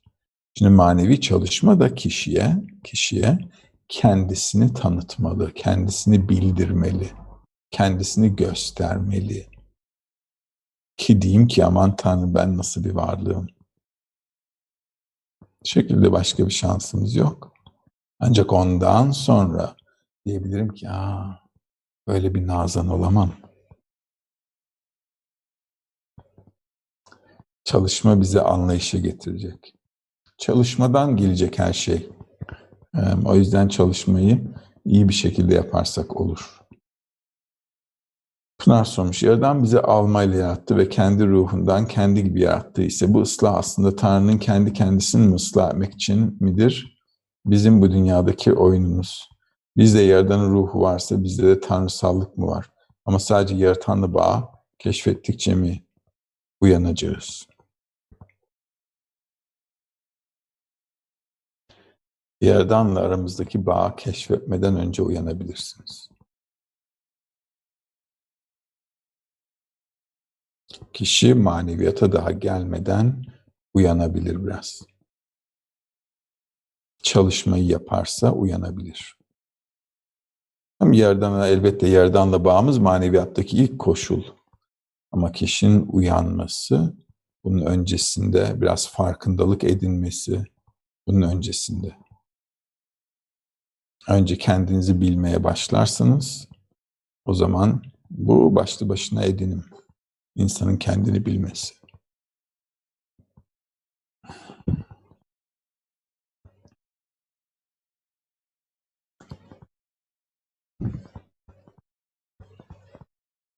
Özge sormuş. Hissiyatımız enerji olarak bize uzak olan ve rahatsız edici davranışları olan ya da bizim sevgimize, ilgimize geri dönüşleri olmayan insanların doğru olmadığını söylüyorsa onlardan uzaklaşmalı mıyız?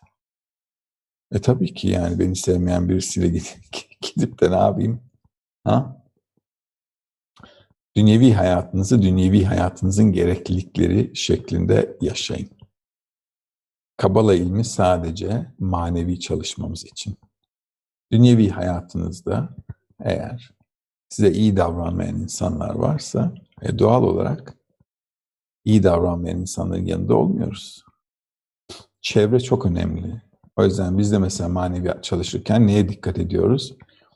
Çevremizin iyi olmasına. Belli bir çalışma prensiplerini içimizde dahil etmeye, yaklaşımımızda.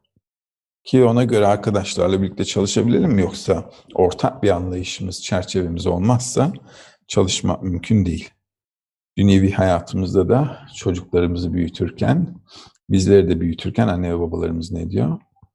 Diyorlar ki iyi insanlarla takıl. Ya da ne diyordu? Anneannem hep rahmetli derdi ki sağa sola bulaşma ol. Çünkü o da kötü, o da kötü. İkisi de kötü. Al birini vur ötekini. Sağa sola bulaşma. Sen düz git. O yüzden kişi de dostlarını, arkadaşlarını iyi seçmeli.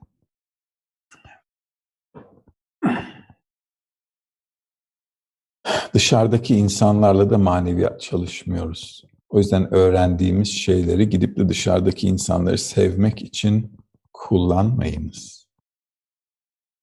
Çünkü gidip de bir başkasını manevi çalışmada olmayan insanlara yönelik bu prensipleri kullanırsanız zarar görürsünüz. Onlar da zarar görür ve sizi de garip sanarlar. Garip davranmaya çünkü normal dışarıdaki insanın bizim yaptığımız çalışmaya bir alakası yok. Gidip de ona maneviyatı çalışıyormuş gibi onların üzerinde yaparsanız size garip gözüyle bakarlar. O yüzden gidip orada da bir şey yapmayın. Dünyevi hayatınızda, dünyevi hayatın gerektirdiği koşullara göre yaşıyorsunuz. manevi çalışma, manevi çalışmanın içindeki dostlarımla gerektiği gibi yapmak şeklinde yapıyorum. Bu konu çok net olsun. Tamam mı? Çünkü dışarıdaki adam egoistlik içerisinde. O yüzden sizin bahsettiğiniz konularla hiç alakası yok. Hüseyin sormuş. Hazlar gelip geçici deniyor. Yarıdan hazla doldurmak istiyor. Arada kalıyoruz. Tam olarak ne yapmalıyız ki ortada buluşalım. Arada falan kalmıyoruz. Hiçbir haz alamıyoruz ki biz. Ne hazımız var bu dünyada? Hayatımız boş. Gerçekten boş. Baktığımız zaman, şimdi oturup biraz bakarsa insan, şimdi insanlar koşturmaktan hayata fazla bakmıyor. Tamam niye? Şimdi var e, sokakta görürsünüz bazen tamam mı? Köpekleri yürütüyor olurlar. Köpek ne yapıyor sürekli? Bir önden gidiyor. Çünkü kendisini sahibi değil, köpek sahibinin sahibiymiş sanarak gider. Önden. Tamam? Duysal olarak. Yani ben onun sahibiyim gibilerinden. Ona bağ da neye göre bağ var ona? Çünkü ondan yemeğini alıyor. O yüzden ona sadık. Şimdi sokakta yürürken ne yapıyorlar? Her tarafı koklayarak gidiyor değil mi? Her ağacın altını, her köşeyi kokuyor. Buradan kim geçmiş, kim gelmiş vesaire vesaire. Nerede haz alabilirim? İnsanoğlu da dünya üzerinde öyle koşturuyor. Nerede haz alabilirim, nerede ızdıraptan kaçabilirim? Bu iki dilema arasında. Haz peşinde koş, ızdıraptan kaç.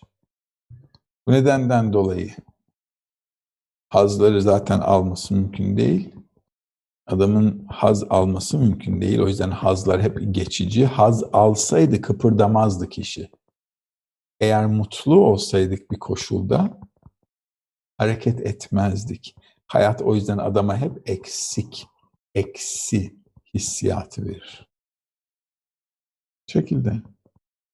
Bu yüzden insanın da durumu o sağa sola koşturup her tarafı koklayıp burada ne var, burada ne alabilirim diye gezen bir köpek gibi.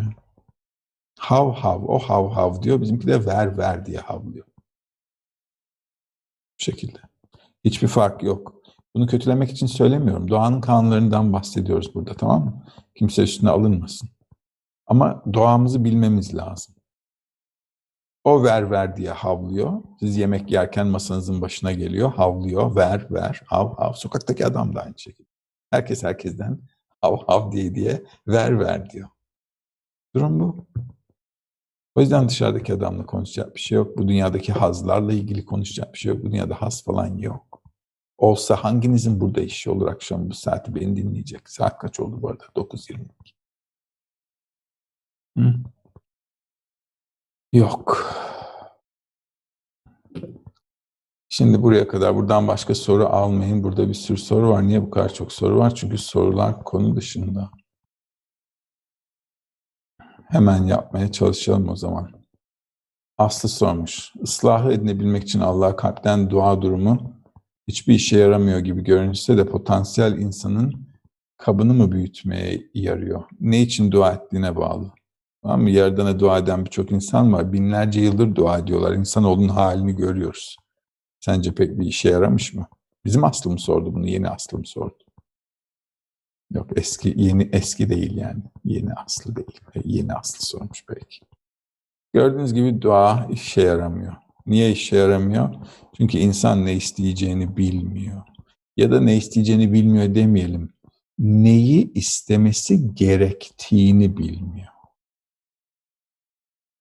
Ben küçük bir çocuğumun bana gelip de baba bana gerçek bir silah alır mısın demesi gibi. Nasıl yani? Gerçek bir silah. Uygun mu? Uygun değil. Almayacağım belli. O yüzden insan olduğu yerden sürekli Yaradan'ın vermeyeceği şeyler istiyor.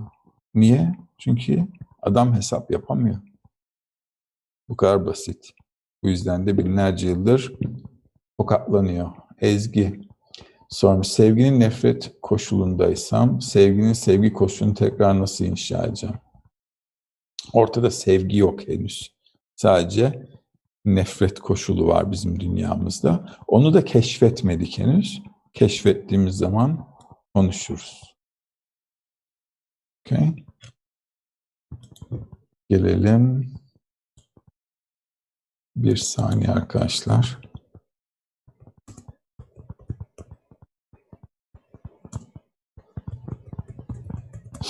Evet.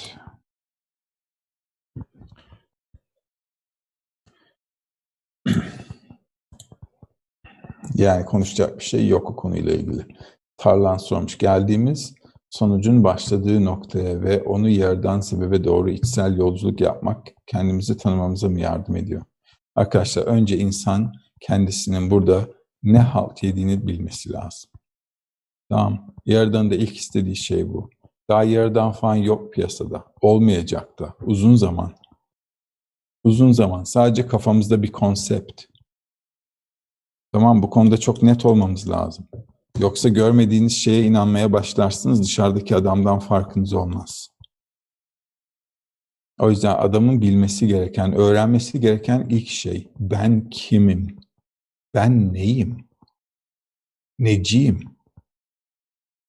Bunu kişi bilmeden de başlangıç noktası yok. O yüzden biz realiteyi çalışıyoruz. Niye, nasıl anlatmaya başlıyor bize kabalistler? Ve bir güç var yaradan alma arzusu yarattı. Alma arzusundan bahsediyor sürekli. Bizim bunun ne olduğunu keşfetmemiz lazım. Öteki türlü yerden falan konuşacak bir şey yok. Net olalım. Yerdan'dan da bir şey isteyemeyiz şu anda. Biraz önce dediğim gibi ne isteyeceğimizi bilmiyoruz. Binlerce yıldır dua ediyorlar. Bir işe yaramıyor, yaramaz, yaramayacak. Çünkü ne istemesi gerektiğini bilmiyor adam. O yüzden kendimizi bilir isek o zaman ne isteyebileceğimi bilirim. Neyi istemem gerek onu bilebilirim. Öteki türlü her tarafa kuru kıskan kovboy gibi oluyoruz. Onu da ver, bunu da ver, çiv çiv çiv çiv o şekilde. Buradan bir şey olmaz. Tamam. İlk Nur sormuş Kabala çalışmasına başladığımdan beri geçmiş videolara bakar, kaynakları okuyarak bilgi sahibi olmaya çalışıyorum. Rehberimiz edinmediğimiz şeylerle ilgili kafa karışıklığı olmamasını öneriyor. O nedenle beklemede kalıyorum. Çok zor bir süreçten geçiyorum. Manevi çalışma sayesinde en az hasarla atlatmaya çalışıyorum. Kafamda çok soru olmaması gelişmeme engel mi? Bir şeyleri eksik mi yapıyorum? Bir şeyleri eksik yapmıyorsunuz arkadaşlar. Eksik yapacak bir şey yok. Derslere gelin, öğrenin, kendinize ekleyin ve yanlış yapabileceğiniz şu anda hiçbir şey yok. Şu anda sadece bilgi ekliyoruz kendi kendimize. O yüzden problem yok, sıkıntı yok. Gelelim, öğrenelim. Öğrendikçe rayına oturtalım. Ramazan sormuş. Normal şartlar altında ihsan etmek istemiyoruz. Fakat Kabala ile birlikte dünyanın ve yaratılışın sistemini anlayıp istediklerimizi elde etmek için bunu buna uygun davranmak, yaratıcıyı kandırmak olmaz mı? İstediklerinizi elde etmek için buna uygun davran. İstediklerini elde etmek için kabala çalışmak mı? Yani Yaradan'a ben şimdi kabala çalışıyorum ve bunu istediğim şeyleri elde etmek için yapıyorum ama Yaradan'a bunu söylemiyorum. Hı? O şekilde mi çalışacağım? Anlamadım sorunu. Önce herkes şunu net bir şekilde anlaması lazım arkadaşlar. Sistem içerisinde yaşıyor isek sistemin dışında hareket edemem. O yüzden bir şeyi şöyle yapmak istiyorum da böyle yapmak istiyorum. O şeyi nasıl istediğim şeyi bile istemem kişiden kaynaklanmıyor. İstediğim şeyler bile benden değil. Bugün hayatınıza bakın. İstediğiniz şeylerin çoğu siz istediğiniz diye değil. Çevre sizi etkilediği için. O yüzden şunu hemen anlamamız lazım. Aa bir dakika biz bir sistem içinde yaşıyoruz ve ben burada yaşayan bir kukla gibiyim. O kadar. Bunu net anlarsanız sistemin içinden hemen çıkabilirsiniz. O yüzden böyle bayağı bir şekilde anlatıyorum. Yani niye böyle direkt konuşuyorum? Çünkü anlarsanız birden aa tak jeton düşerse diye ümit ediyorum.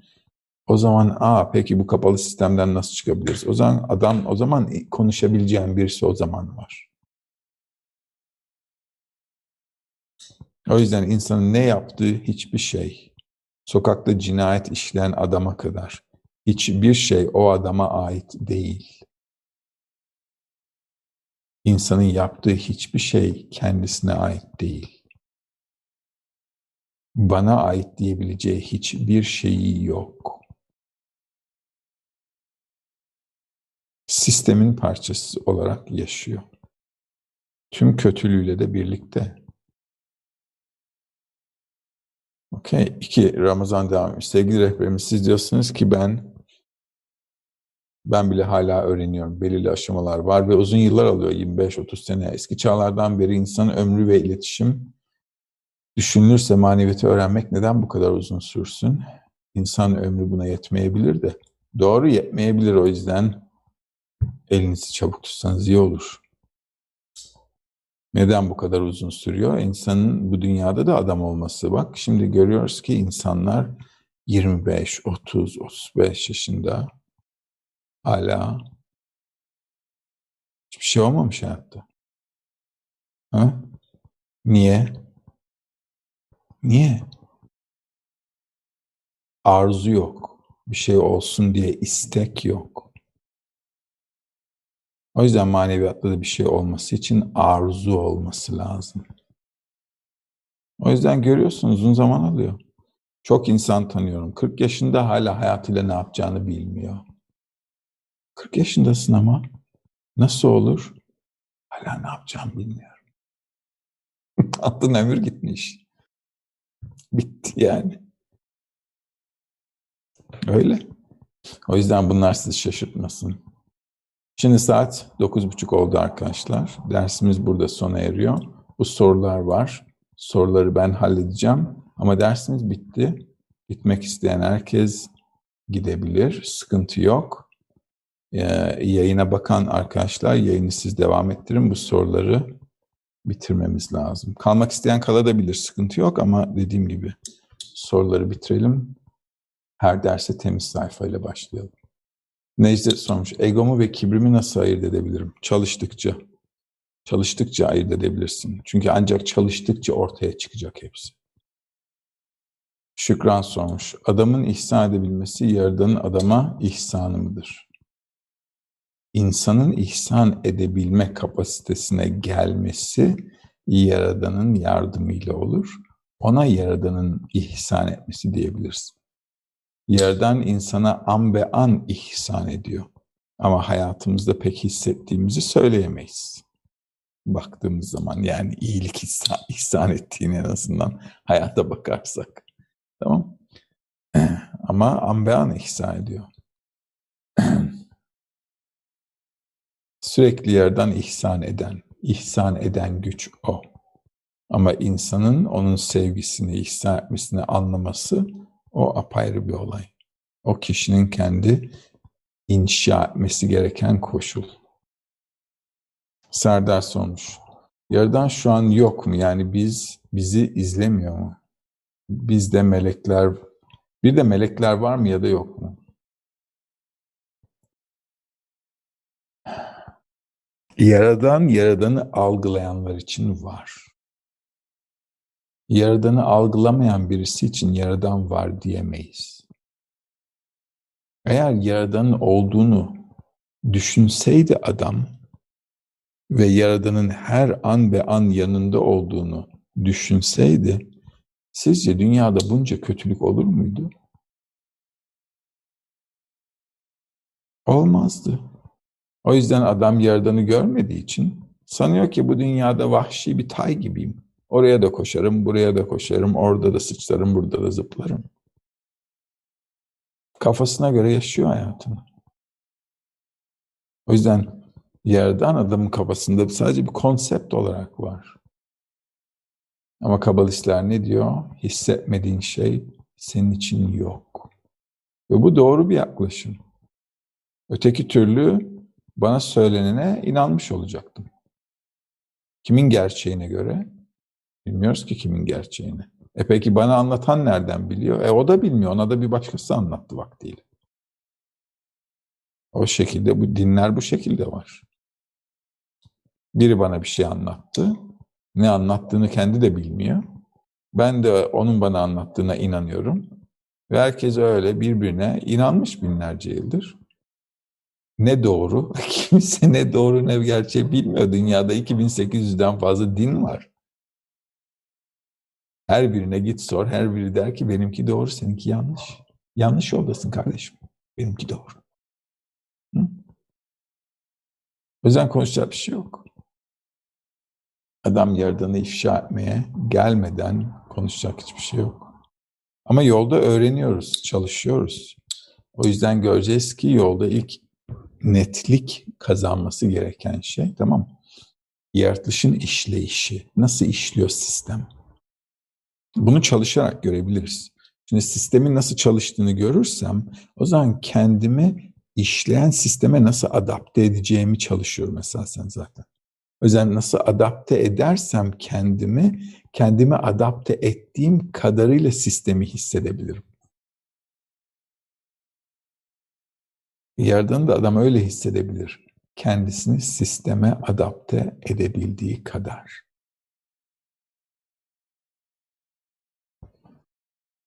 Evet. Betty sormuş, değerli rehberim, bu ilmi hangi aşamaya kadar sadece dostlar arasında çalışıyoruz? Eğer Yaradan'a eylemlerinde paydaş olacak isek tüm insanlığa ihsan etme niteliğini kazanmamız gerekmez mi? Önce bir başlayalım aramızda çalışmaya doğru bir şekilde. Ondan sonra bakarız. Tamam, tıpkı çocuklarımıza şimdi sen büyüyüp işe gideceksin ve bütün hayatın ekmek parası kazanmak için orada burada çalışmakla geçecek ve öyle zor bir hayat mı olacak diye anlatmıyoruz. Yavaş yavaş. Diyoruz ki hey arkadaşlarla anaokuluna gideceksin. Harika. Biz de burada şimdi anaokulu gibi başlamak zorundayız. Aramızda kontrollü bir ortamda yavaş yavaş büyüdükçe gerisine bakarız. Candaş sormuş. Biz çalıştıkça sanki her şey daha da kötüye gidiyor gibi dünyada. Oh! Candaş. Burada mı Candaş? Yok. Peki. Şimdi konuşacak birisi var. Doğru. Çalıştıkça dünya kötüden kötüye gidiyor gibi. Güzel söylemişsin. Yerden adapte olmak için yönelsem ve size bağlanmak için elimden geleni yapsam da birbiri ardına engeller yoruyor. Doğru. Bu da doğru. Bu da doğru.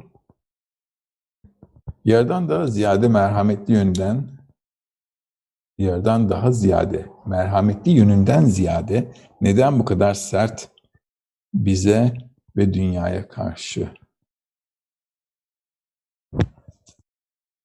Adam ızdırap çekmeden anlamaz. Eğer hayatımız iyi olursa hiçbirimiz yaratılışın amacını, hayatın amacını hiç kimse sorgulamaz. Hepimiz şöminenin önünde yatan o cici kediler gibi oluruz. Keyfim yerinde, bana dokunmayın. İnsan çünkü öyle bir varlık. Keyfi yerindeyse kılını kıpırdatmaz. Kılını kıpırdatması için yerden de sürekli cimciklemesi lazım. Ve bu yaradanın merhameti. Yaradanın merhametini ne sandınız? Gökten para mı yağacak sanıyorsunuz? Bu mu olacak merhameti? Yok. Tokat gelecek yukarıdan. Adam uyanacak. Tam uyanacak. Ne, neler oluyor diyecek. Ve o şekilde başlayacak yola. Yaradanın merhametini adam böyle kafasında o şekilde canlandırmayın. Dünyaya baktığınız zaman Yaradan merhametli. Ama gördüğünüz merhamet, merhameti dünyada gördüğünüz gibi. Yani savaşlar, kazalar, doğal afetler, kötülük. Niye? E çünkü adam kötü koşuldan iyiliği inşa etmeyi istesin diye. O yüzden çok özel bir realitede yaşıyoruz biz. İki koşul bir varlığın içinde olabilecek tek realite burası.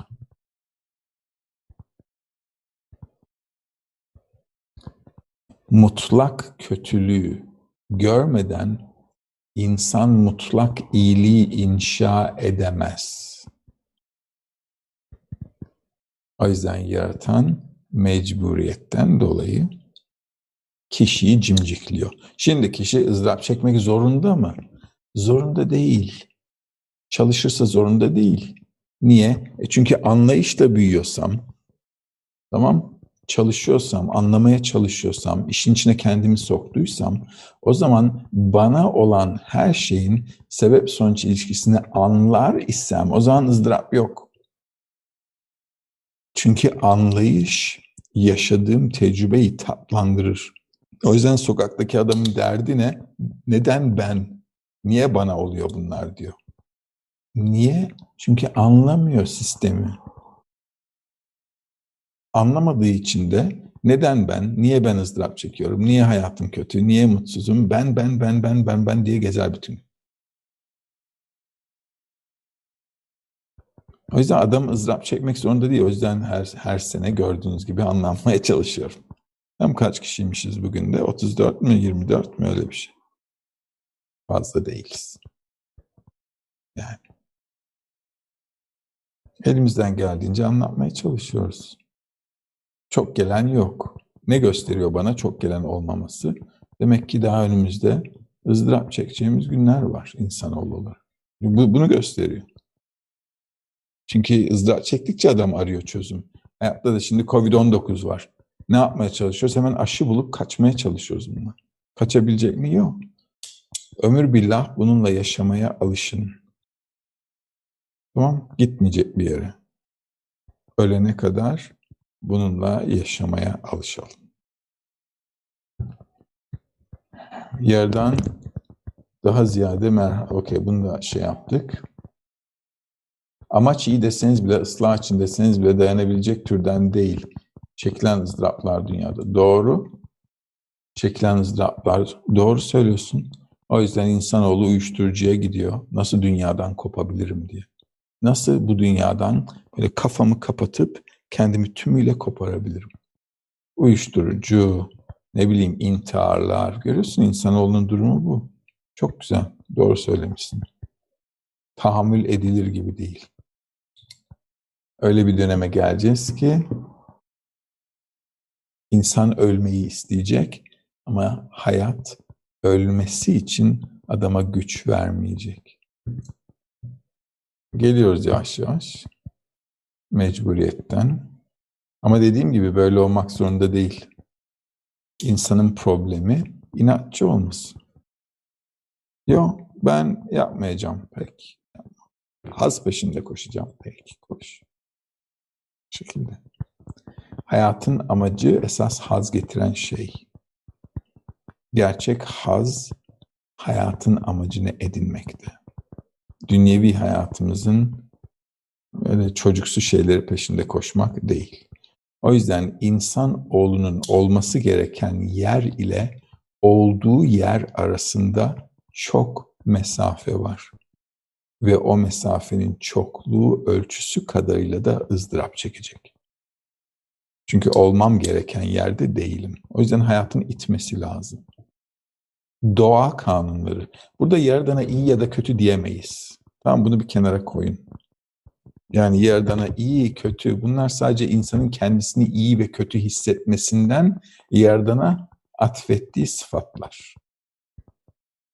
O yüzden Yaradan iyi kötü bir kenara bırakın. Yaratılışın bir amacı var. Oraya doğru götürüyor bizi. Nokta. O kadar. Bununla ilgili şikayetçi olabilir misiniz? Olabilirsiniz. Ağlayabilir misiniz? Ağlayabilirsiniz. Faydası var mı? Yok. Yok. Tek bir faydası var. Kişinin yaratılışın amacına gitmesi. Başka gerçekten bir şey yok. Eskiden bu kadar açık sözle de anlatmıyordum ikinci dönemde. Demek ki vakti gelmiş. Hı? Yapacak bir şey yok.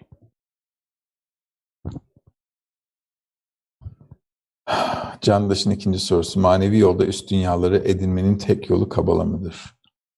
Geçenlerde bir PDF çalışmada tasavvuf ve kabala arasındaki benzerliklere denk geldim. Ancak tasavvufta kabaladan farklı olarak öte alem ve her insanın ruha sahip olduğu anlayışı var. Çok temel bir fark değil midir? E, öte alem dediğimiz yer zaten yaradanı hissettiğimiz alem. Bilmiyorum onların öte alem kastı ne? Diğer üst dünyaları edinmek diye bir kitap var onu da okuyabilirsin. Öte dünya demek bu dünyanın yani beş duyumun üzerine ruhumu inşa edip yeni bir algıyla yaşamak. Tamam Üst dünya dediğimiz o. Ondan sonra cuma başka ne demişler? Her insanın ruha sahip olduğu anlayış var doğru. Her insanın ruhu var. Ne dedik biraz önce? İnsan yaratanı algılayan bir varlık dedik değil mi dersin başında? Öyle demedik mi? Yanlış mı hatırlıyorum? İnsan yaratanı algılayan bir varlık ve yaratanı algılama organı ruhu. Eğer yaradanı algılamıyorsa ruhu yok, insan da değil. Okay, bu tanımda net olalım. İnsan yaradanı algılamıyorsa insan değil. Otantik manevi kitaplarda insan yaradanla bağ olan birisi. Eğer yaradanla bağ yok ise hayvan sıfatıyla geçiyor.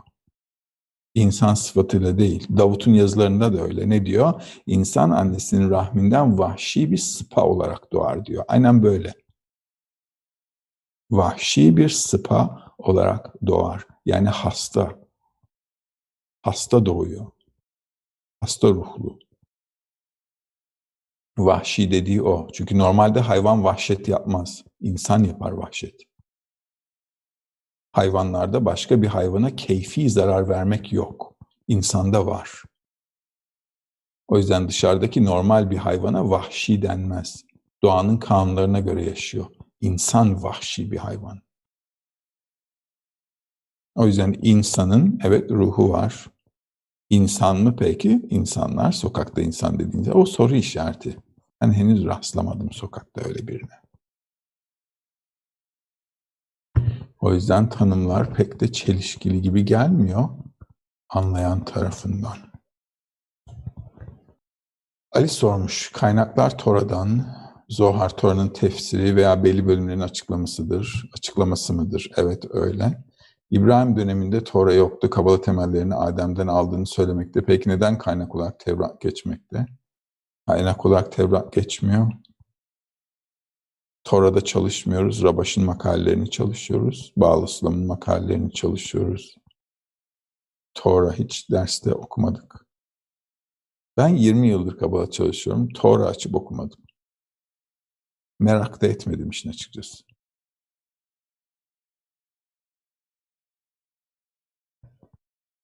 Samimi söylüyorum. Merak da etmedim. Ben hayatın manasını merak ediyorum hikayeleri değil. O yüzden peri masallarına, şuna buna benim karnım tok. Geldiğim günden beri karnım tok. O yüzden ben Kabala evine geldiğim zaman sadece bir soruyla geldim. Hayatın manasını sevgili kardeşim. Bunu halledelim. Ondan sonra konuşuruz diğer detayları. Çalışmak istiyorsanız çalışmanız bu şekilde olması lazım. Öteki türlü oradan oraya, oradan oraya Kitapları bilip maneviyat edinemezsiniz. Yaradanı bilirsiniz, tüm realiteyi edinirsiniz. Ondan sonra Tora'ya da gerek yok, Zohar'a da gerek yok, makalelere de gerek yok, hiçbir şey gerek yok. Çünkü açık kitap. O yüzden kişi her zaman bana en faydalı yardımcı olabilecek kaynaklar hangisi? Onları çalışayım, ve ilerleyeyim diye düşünmeli. Fantazileri değil. Bana şimdi ne yardımcı olacak? Bana şimdi şifa nereden gelecek? O önemli.